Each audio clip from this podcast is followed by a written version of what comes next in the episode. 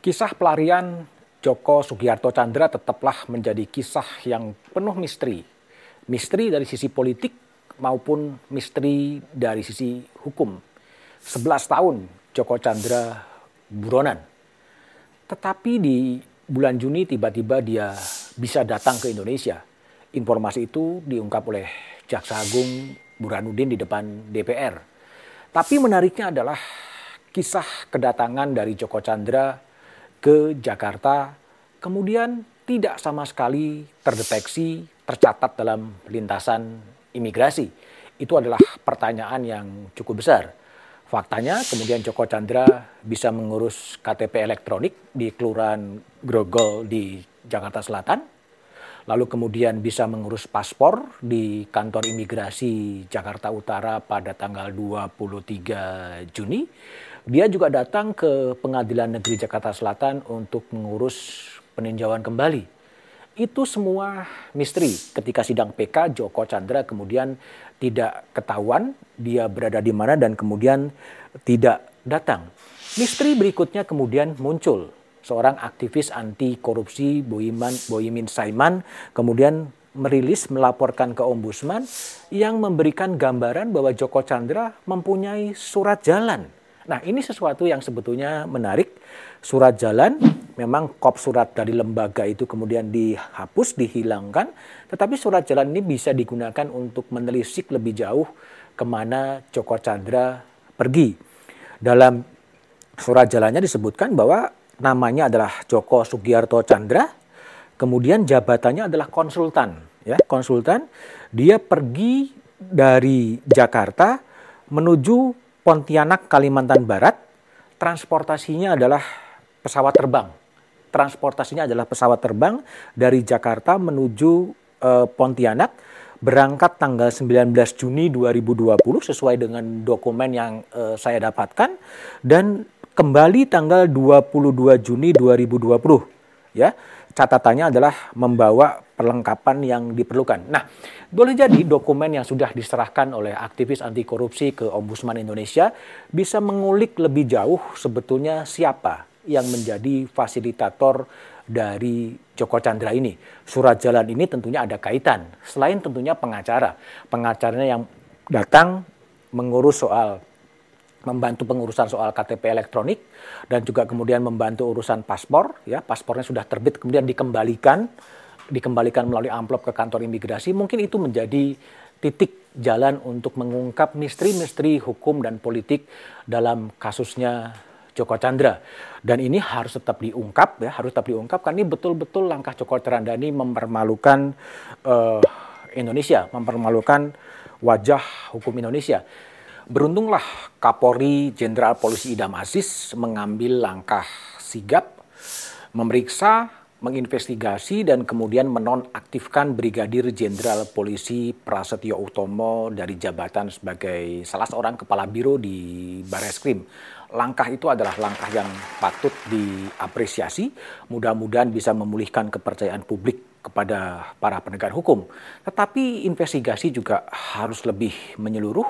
Apakah aksi Brigadir Jenderal Polisi Prasetyo Utomo itu juga merupakan tindakan-tindakan individual atau ada keterlibatan-keterlibatan pihak lain. Itulah yang harus ditelusuri.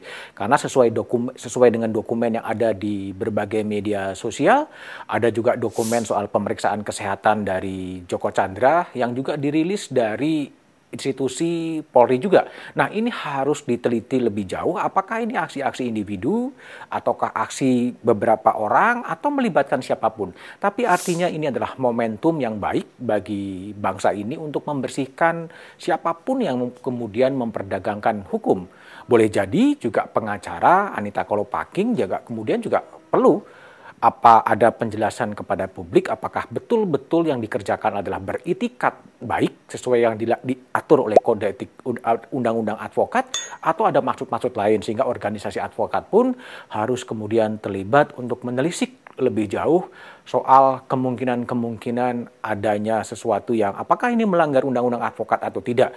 Tapi kembali lagi ini masih tugas berat tapi langkah-langkah itu harus dikerjakan. Selain Joko Chandra yang juga tetap menjadi menarik adalah kalau Joko Chandra pulang sendiri ke Indonesia, entah sekarang berada di mana, ada buronan yang juga sudah 17 tahun yang disebut-sebut Maria Pauline Lumowa. 17 tahun tak tersentuh. Hari ini pelarian Maria Pauline Lumowa, pebobol Bank BNI 1,7 triliun rupiah berakhir. Maria ditangkap di Serbia. Ekstradisi Maria bukan cuma-cuma. 2015 lalu, Indonesia mengabulkan permintaan ekstradisi Serbia atas Nikolo Iliv, pelaku pencurian data nasabah. Dia ditangkap dan dijemput sendiri oleh Menteri Hukum dan Hak Asasi Manusia Yasona Loli. Ini menarik ya, ada beda-beda perlakuan, ada buronan yang kemudian dijemput oleh uh, Menteri Hukum dan HAM Yasona Loli ke Serbia dan dibawa pulang, kemudian dijelaskan ya, dijelaskannya sebagai sebuah capaian. Tapi pada sisi lain tetap harus diungkap apa yang sebenarnya terjadi. Yang yang menarik sebetulnya kalau membuka dokumen-dokumen lama terutama dokumen yang ada di Kompas soal misteri Lumowa. Kompas pada waktu itu pernah bertemu dengan Maria Pauline Lumowa, dilihat di Kompas 8 Desember 2003. Maria Pauline Lumowa mengatakan begini, bagaimana saya tidak takut? Belum apa-apa, saya dituduh melakukan penipuan, melakukan pencucian uang, menculik pengacara saya, bahkan dituduh mengucurkan dana kepada para calon presiden. Apa semua tuduhan itu betul? Calon presiden tentunya calon presiden tahun 2004. Ini menarik. Ya, apakah memang ada kaitan pada waktu itu pembobolan Bank BNI dengan situasi politik di tahun 2004? Di tahun 2004 tentunya menarik. Dan ada juga kutipan yang menarik yang dikutip oleh Kompas ketika Kompas berjumpa dengan uh, Lumowa di Singapura pada waktu itu adalah Maria mengaku siap bertanggung jawab. Ya, saya bacakan kutipan persisnya.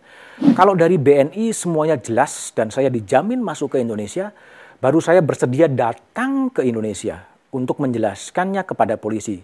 Saya tidak mau gara-gara ada orang merampok bank negara, lalu saya hendak dikorbankan seolah-olah sayalah yang harus menanggung risiko sehingga orang-orang yang terlibat dalam skandal Bank BNI itu kemudian ditutupi dan tidak pernah ketahuan bobolnya Bank BNI itu sejak tahun 2001 sedangkan saya baru meminjam ke bank tahun 2003 2002 itu kata Maria. Nah, keterangan Maria Lumowa ini tentunya harus dikaji lebih jauh karena ini menyimpan misteri-misteri politik, misteri-misteri hukum karena kalau kita buka arsip yang begitu banyak di harian Kompas, sejumlah petinggi-petinggi kepolisian ikut terlibat. Sampai kabar Krim Komjen Sulyitno Landung itu juga kemudian terungkap. Nah, sampai sejauh mana ini adalah sesuatu yang harus dikerjakan dan diungkap oleh kepolisian. Bagi Maria Lumowa, tentunya ini adalah momentum yang paling baik. Bernyanyilah sekeras-kerasnya, berteriaklah sekeras-kerasnya agar semua misteri-misteri, semua pertanyaan-pertanyaan publik ini bisa diungkap.